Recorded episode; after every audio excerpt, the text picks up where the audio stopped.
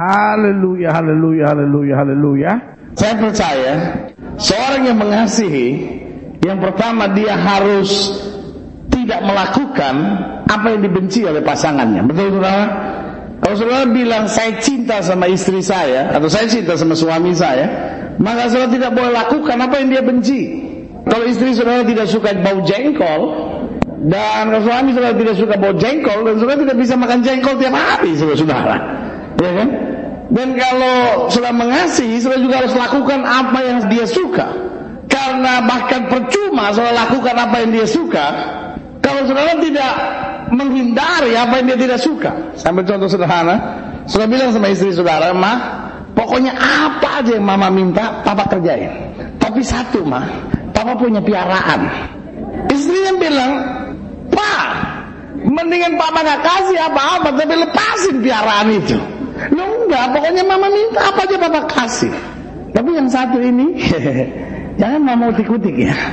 Saudaraku, seorang yang mengasihi, yang pertama betul dia harus melakukan apa yang disukai, dan yang kedua dia harus menghindari apa yang paling dibenci. Nah, saya pelajari dalam Alkitab, saya jumpai apa yang Yesus paling benci. Sehingga setiap kali dia marah sekali karena hal itu. Matius 23 ayat 13 sampai ayat yang ke-28. Celakalah kamu hai ahli-ahli Taurat dan orang-orang Farisi, hai kamu orang-orang munafik, karena kamu menutup pintu-pintu kerajaan sorga di depan orang, sebab kamu sendiri tidak masuk dan kamu merintangi mereka yang berusaha untuk masuk. Celakalah kamu hai ahli-ahli Taurat dan orang-orang Farisi, hai kamu orang-orang munafik, Sebab kamu menelan rumah janda-janda sedang kamu mengelabui mata orang dengan doa yang panjang-panjang. Sebab itu kamu akan menerima hukuman yang lebih berat. Celakalah kamu hai ahli-ahli Taurat dan orang-orang Farisi, hai kamu orang-orang munafik sebab kamu mengarungi lautan dan menjelajah daratan untuk mentobatkan satu orang saja menjadi penganut agamamu. Dan sesudah ia bertobat, kamu menjadikan dia orang neraka yang dua kali lebih jahat daripada kamu sendiri. Celakalah kamu, hai pemimpin-pemimpin buta yang berkata bersumpah demi bait suci, sumpah itu tidak sah. Tetapi bersumpah demi emas bait suci, sumpah itu mengikat. Hai kamu orang-orang bodoh dan orang-orang buta, apakah yang lebih penting emas atau bait suci yang menguduskan emas itu? Bersumpah demi mesbah, sumpah itu tidak sah. Tetapi bersumpah demi persembahan yang ada di atasnya, sumpah itu mengikat. Hai kamu orang-orang buta, apakah yang lebih penting persembahan atau mesbah yang menguduskan persembahan itu? Karena itu barang siapa bersumpah demi mesbah, ya bersumpah demi mesbah dan juga demi segala sesuatu yang terletak di atasnya. Dan barang siapa bersumpah demi bait suci, ya bersumpah demi bait suci dan juga demi dia yang diam di situ. Dan barang siapa bersumpah demi sorga, ia bersumpah demi tafa Allah dan juga demi dia yang bersemayam di atasnya. Celakalah kamu hai ahli Taurat dan orang-orang Farisi Hai kamu orang-orang munafik Sebab persepuluhan dari selasi Ada semanis dan jintan kamu bayar. Tetapi yang terpenting dalam hukum Taurat kamu abaikan Yaitu keadilan Dan belas kasihan dan kesetiaan. Yang satu harus dilakukan Dan yang lain jangan diabaikan. Hai kamu pemimpin-pemimpin buta Nyamuk kamu tapiskan dari dalam minumanmu. Tetapi onta yang di dalamnya kamu telan Celakalah kamu Hai ahli-ahli Taurat dan orang-orang Farisi. Hai kamu orang-orang munafik. Sebab cawan dan pinggan Kamu bersihkan sebelah luarnya Tetapi sebelah dalamnya Penuh rampasan dan kerakusan. Hai orang Farisi yang buta Bersihkan dahulu sebelah dalam cawan itu maka sebelah luarnya juga akan bersih. Celakalah kamu hai ahli-ahli Taurat dan orang-orang Farisi.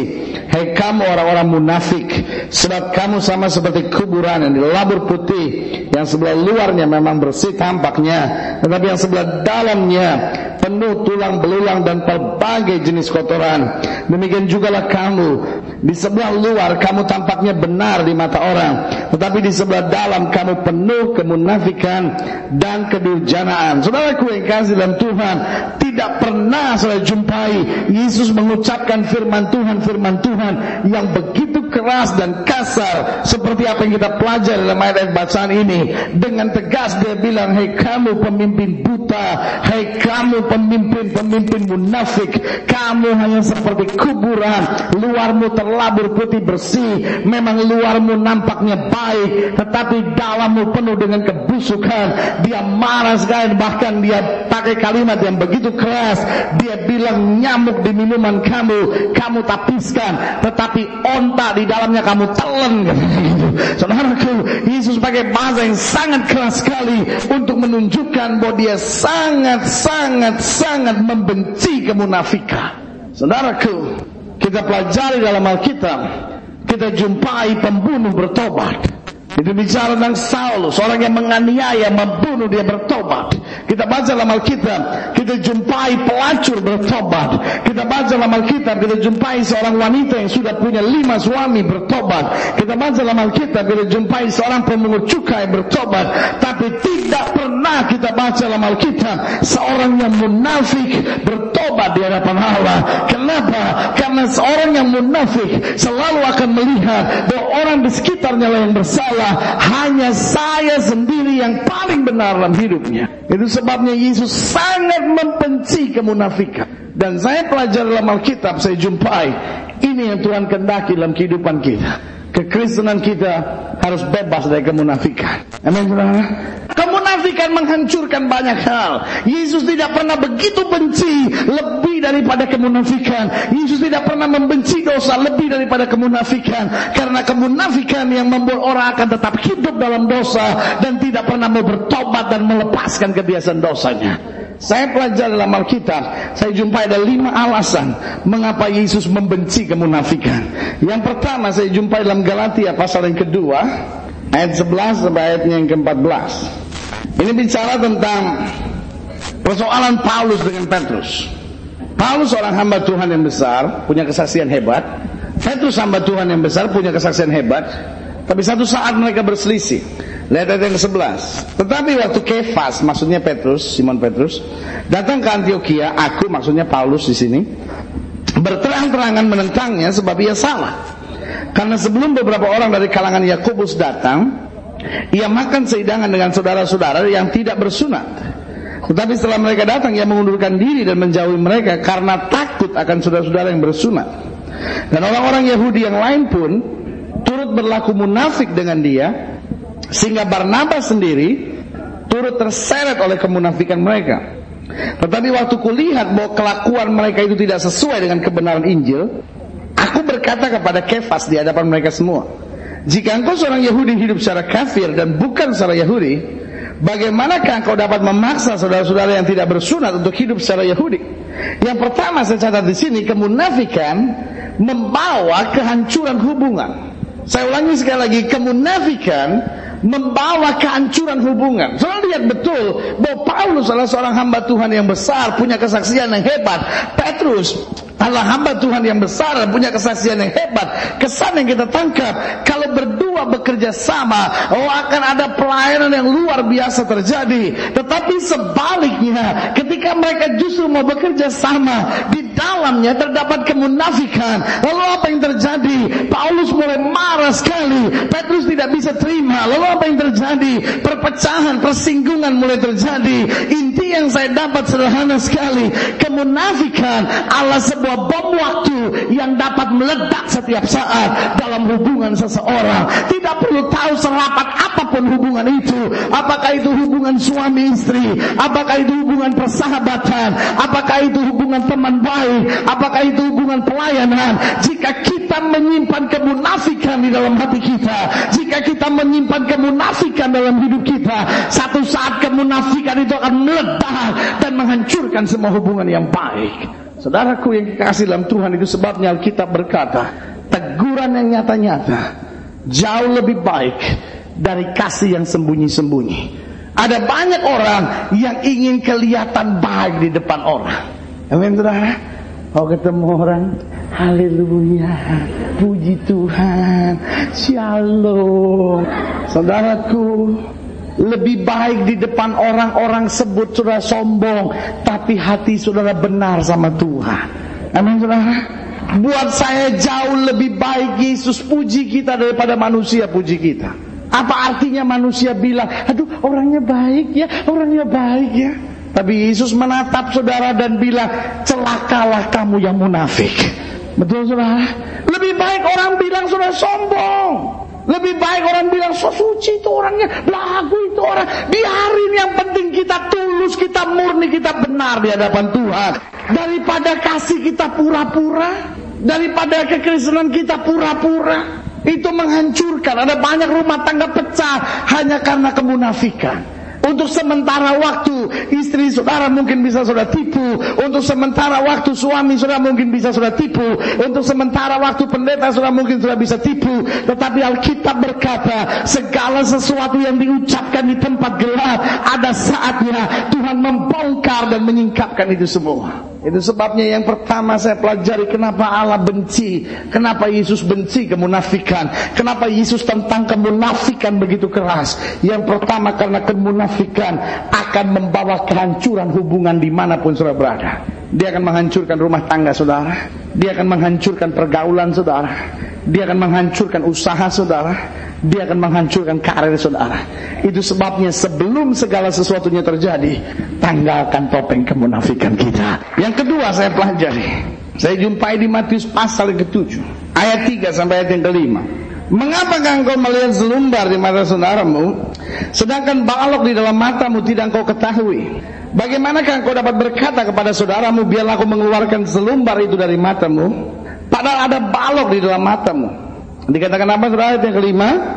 Hei orang munafik, keluarkan dahulu balok dari matamu, maka engkau akan melihat dengan jelas untuk mengeluarkan selumbar itu dari mata saudaramu. Hal yang kedua, kenapa Yesus membenci kemunafikan? Karena kemunafikan membuat kita tidak dapat melihat kesalahan kita sendiri. Saya ulangi sekali lagi, kemunafikan membuat kita tidak bisa melihat kesalahan kita sendiri. Saudaraku, kalau kita bisa melihat kesalahan kita sendiri, Minimal ada dua hal yang kita buat. Sekali lagi saya ulangi, kalau kita bisa melihat kesalahan kita sendiri, minimal ada dua hal yang kita buat. Yang pertama, kita akan minta ampun sama Tuhan. Betul saudara? Dan Alkitab berkata kalau kita minta ampun sama Tuhan, Tuhan akan memulihkan segala sesuatunya dalam hidup kita. Berarti Tuhan akan bereskan segala sesuatunya. Lalu yang kedua, kalau kita bisa menyadari kesalahan kita, kita bisa melihat kesalahan kita sendiri. Yang pertama, kita akan minta ampun sama Tuhan. Dan yang kedua, kita akan minta maaf. Maaf. Maaf. Cuma terdiri dari empat huruf. M A A F. Ada yang M A A P. Maaf. Ya kan? Tapi kadang-kala untuk mengucapkannya tidak mudah. Kenapa? Kadang-kala untuk bilang maaf ada gengsi. Padahal ingat kalau kita bisa mengakui kesalahan kita aja, kita bisa minta maaf. Ada banyak persoalan yang nggak seharusnya terjadi. Betul saudara? Suami lagi marah. Ah, maaf ya. Beres. Tapi ini nggak mau minta maaf. Yang satu tidur ngadep tembok sini. Yang lain tidur ngadep tembok sini. Saya tadi tengah-tengah bilang bagus juga ini begini. Sama seperti Adam. Adam jelas-jelasan makan buah. Lalu dia sembunyi. Pertanyaan Tuhan sederhana Adam kamu makan buah itu ya? Loh apa reaksi Adam waktu Tuhan tanya itu saudara-saudara langsung bilang, hmm, perempuan yang Tuhan tempati di gara-garanya nih. Perempuan yang disalahin, saudara. Ya kan? Dengan lain kata dia bilang Tuhan sih Orang lagi sendirian udah enak-enak dikasih perempuan lagi. Dia juga regaranya Perempuan itu serba salam lulu saudara-saudara. Untung saya nggak jadi perempuan. Saya nggak habis pikir kalau laki-laki masih mau kayak perempuan gitu. Udah bagus-bagus laki-laki gagal Eh pakai anting. Ampun dah Orang sekarang aneh-aneh. Laki mau jadi perempuan, perempuan mau jadi laki, ya kan? Orang rambutnya lurus pengen keriting, orang keriting pengen dilurusin, punya rambut pengen pakai wig, segala macam lah orang sekarang. Ujung-ujungnya perempuan lagi yang salah, saudara. Ah, ibu-ibu, ibu-ibu. Makanya banyak ibu-ibu stres ya. Saudaraku, Adam sama sekali nggak mau minta maaf. Mungkin seandainya waktu Tuhan tanya, ada apa makan buah? Iya Tuhan maaf Tuhan, aduh, habis bagus kelihatannya. Jadi dimakan, aduh, maaf deh Tuhan, kali nggak lagi deh bener deh Tuhan, udah tahu nggak lagi deh. Tahu nipu, maaf deh, maaf deh. Seandainya ada minta maaf, mungkin nggak dibuang dia saudara. Seandainya begitu. Tapi saudaraku, kemunafikan membuat seorang sering kali tidak bisa minta maaf.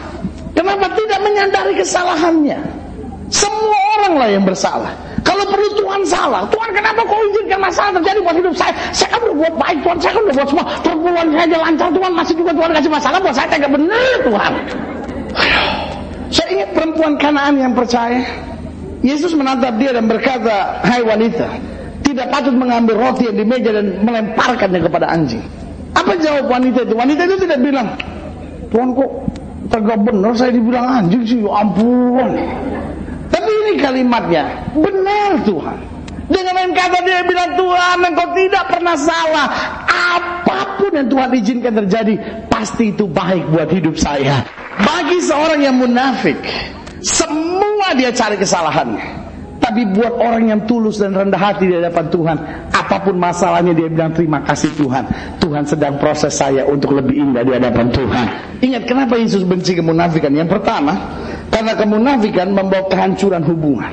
Yang kedua, karena kemunafikan membuat kita tidak dapat melihat kesalahan kita sendiri. Yang ketiga, saya jumpai di Matius pasal 22 ayat 16 sampai 18. Mulai ayat 15 saya baca. Kemudian pergilah orang-orang Farisi, mereka berunding bagaimana mereka dapat menjerat Yesus dengan suatu pertanyaan. Mereka menyuruh murid-murid mereka bersama-sama dengan orang Herodian bertanya kepadanya, Guru, kami tahu engkau adalah seorang yang jujur dan dengan jujur mengajar jalan Allah dan engkau tidak takut kepada siapa pun juga sebab engkau tidak mencari muka. Oh aduh. Ini pertanyaan yang luar biasa saudara-saudara. Amin. Orang datang kepada Yesus dan bilang, Guru, kami tahu engkau adalah orang jujur. Engkau mengajar dengan jujur, engkau tidak takut kepada siapa pun karena engkau tidak mencari muka. Waduh. Kita itu kalau ada orang datang ngomong begitu sama kita langsung kita uh, ya uh, ya uh, nah begitulah. kita kalau dipuji begitu saudara bisa uh, bukan terbang tinggi. Kita itu kalau dikritik sedikit marahnya luar biasa dan kalau dipuji sedikit langsung goyang. Nah, itu ciri-ciri orang munafik itu saudara. Orang benar itu orang yang rendah hati itu kalau dikritik dia tahu dia memang belum sempurna dan menuju ke kesempurnaan. Tapi kalau dia dipuji dia tahu Allah yang hanya layak untuk menerima segala pujian itu. Lalu kita lihat apa yang terjadi kemudian. Orang ini bertanya manis sekali kepada Yesus ayat 17 Katakanlah kepada kami pendapatmu Apakah diperbolehkan membayar pajak kepada kaisar atau tidak Ayat 18 tetapi Yesus mengetahui kejahatan hati mereka itu lalu berkata, "Mengapa kamu mencobai aku, hai orang-orang munafik?" Waduh. Ini orangnya baik-baik. Guru, engkau adalah orang yang jujur, mengajar dengan jujur, tidak takut kepada siapa pun karena engkau tidak mencari muka. Tiba-tiba Yesus bilang, "Hei kamu orang-orang munafik, kenapa engkau mencobai aku?" Hal yang ketiga, Kenapa Yesus benci kemunafikan? Karena kemunafikan membuat seseorang tidak dapat dipercaya. Saya ulangi sekali lagi. Seorang yang munafik adalah seorang yang tidak pernah akan dapat dipercaya di mana pun dia berada. Itu sebabnya bagi orang munafik kalau dia berhasil, keberhasilannya hanya sementara. Sampai orang tahu siapa dia sebenarnya Tertutuplah segala pintu bagi dia. Kalaupun dia punya hubungan yang akrab dengan seseorang Hubungan akrabnya hanya sementara. Karena sampai terbuka siapa dia sebenarnya Hancurlah segala sesuatunya. Kalau untuk sementara dia kelihatannya maju Majunya hanya sampai satu titik tertentu. Waktu terbongkar siapa dia sebenarnya Hancurlah segala sesuatunya. Itu sebabnya seorang yang munafik Tidak akan dapat dipercaya Yesus menentang dengan keras mereka. Itu sebabnya Yesus menentang kemunafikan. Yesus ingin kita jadi berkat di mana pun kita berada. Amin saudara. Kesaksian saudara akan lenyap begitu saja. Jika orang tahu bahwa kita sebenarnya hanya seorang munafik. Saudara boleh bercerita tentang Yesus orang akan bilang munafik. Sudah boleh ngomong tentang Yesus, sudah boleh bersaksi tentang mujizat, tentang karya Allah yang luar biasa. Orang hanya cukup jawab dengan satu kalimat munafik. Habislah kesaksian saudara. Itu sebabnya saya ulangi. Yesus membutuhkan orang-orang yang tulus. Amin saudara. Yesus membutuhkan orang-orang yang tulus. Dia tidak mencari orang-orang yang sempurna. Karena apa? Kita tidak bisa sempurna tanpa pertolongan dia. Dia tidak mencari orang-orang sempurna. Dia ingat siapa kita. Daud berkata dia ingat bahwa kita ini debu. Dia tahu kita bisa gagal. Dia tidak membuang kita hanya karena kita gagal. Kalau sudah itu, berapa kali sudah gagal. Tetapi toh Tuhan tetap bela saudara. Amin saudara. Berapa kali saudara melakukan sesuatu yang tidak sesuai dengan kehendak Tuhan. Toh tetap Tuhan jaga saudara. Toh tetap Tuhan bela saudara. Toh tetap Allah angkat saudara. Tetap Allah dengar doa saudara. Amin saudara. Yesus tidak mencari orang yang sempurna. Tapi dia cari orang yang tulus apa adanya. Tuhan terima saudara apa adanya. Waktu engkau jatuh engkau kembali kepada Tuhan. Tuhan terima engkau apa adanya. Waktu engkau jatuh dan engkau bilang Tuhan. Saya mengecewakan engkau. Tuhan bilang anakku aku mengasihi engkau apa adanya. Petrus menyangkal Yesus tiga kali. Yesus nggak ungkit-ungkit Petrus. Yesus bilang Simon anak Yohanes, adakah engkau mengasihi aku? Lalu Petrus bilang benar Tuhan aku mengasihi engkau. Yesus bilang sama dia Petrus gembala karena domba-dombaku. Amin saudara. Alkitab bicara tentang Abraham yang gagal, Alkitab bicara tentang Musa yang gagal. Diterima Tuhan apa adanya. Dan hari ini saya mau beritahu Allah menerima kita apa adanya. Anak bungsu itu kembali dan ayah berkata, Aku tidak memanggil engkau sebagai pelayan, tetapi engkau tetap adalah anakku. Amin saudara. Allah terima kita apa adanya. Itu sebabnya berita yang benar dari orang percaya, hidup yang benar dari orang percaya, Allah hidup yang tidak diisi dengan kemunafikan, tapi hidup yang diisi dengan kasih yang tulus yang berkenan kepada Allah. Engkau tidak akan bisa menjadi saksi Tuhan jika engkau hidup dalam kemunafikan. Itu sebabnya Allah menentang kemunafikan. Allah membenci kemunafikan. Karena kemunafikan membuat engkau tidak bisa jadi saksi Tuhan. Kemunafikan membuat kita tidak bisa jadi berkat buat orang lain. Hal yang keempat, saya pelajari, saya jumpai dalam Matius pasal 6. Dan apabila kamu berdoa, janganlah berdoa seperti orang munafik. Mereka suka mengucapkan doanya dengan berdiri dalam rumah-rumah ibadat dan pada tikungan-tikungan jalan raya supaya mereka dilihat orang. Aku berkata kepadamu apa saudara? Sesungguhnya mereka sudah mendapat upahnya. Dengan lain kata Yesus bilang, aku tidak usah menjawabnya. Aku tidak usah memberikan upah karena mereka sudah mendapat upahnya. Itu sebabnya ada tempat cara di sini kemunafikan menghambat kita menerima jawaban doa. Saudara aku yang kasih dalam Tuhan, apa artinya semua hal yang baik kita buat? Jika dibalik semuanya itu ada kemunafikan. Karena kemunafikan akan menghambat doa kita. Sudah boleh berdoa sepanjang hari lalu sudah bingung kenapa doa saya belum dijawab. Dia sudah bingung dan bilang Tuhan, saya sudah buat banyak hal, kenapa saya belum lihat jawaban doa? Jangan salahkan Tuhan. Jangan pikir bahwa Tuhan gak jawab doa saudara. Jangan salahkan pendeta yang mendoakan saudara. Jangan salahkan suami saudara dan bilang, mungkin dia gak sehati kali, mungkin dia gak sehati kali sampai doa saya belum dijawab. Cuk.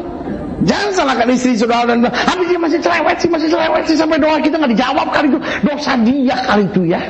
Kadang-kala doa kita belum dijawab karena kita hidup dalam kemunafikan. Sudah mengerti maksud saya? Tuhan tidak bisa dipermainkan seperti itu. Tuhan sekali lagi membutuhkan orang percaya yang tulus. Amin saudara. Musa bilang sama Tuhan, Tuhan jangan pakai aku, aku nggak layak. Musa bilang Tuhan saya nggak pandai bicara. Dengan lain kata Tuhan apa yang mau diandalkan dari seorang muda yang bernama Musa ini? Tapi toh Tuhan pakai Musa. Amin saudara. Ya kan? Toh Tuhan pakai Musa. Wanita yang jelas-jelas bekas pelacur itu Dia pecahkan setengah kati minyak mawasti murni yang mahal harganya Dia cuci kaki Yesus Dengan lain kata dia mau bilang saya tidak peduli dengan orang lain Tapi saya mau melayani Yesus Orang banyak kritik dia dan bilang Oh dia tidak layak Kalau Yesus tahu siapa dia sebenarnya Yesus sebetulnya nggak layak disentuh oleh dia Tetapi Yesus bilang apa pun yang diperbuat oleh wanita ini Ke mana pun Injil diberitakan Perbuatannya tetap akan diingat.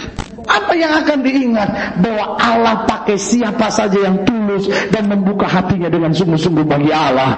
Jika hari ini sudah berkata, pendeta saya masih punya banyak kelemahan. Jawaban saya sederhana. Jika engkau datang apa adanya sama Tuhan, Tuhan menerima engkau apa adanya. Amin saudara.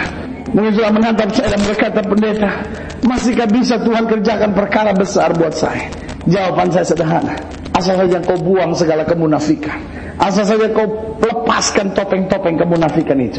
Allah bisa pakai dengan luar biasa untuk karya yang besar dalam hidup saudara. Bukankah Bartimius seorang pengemis buta?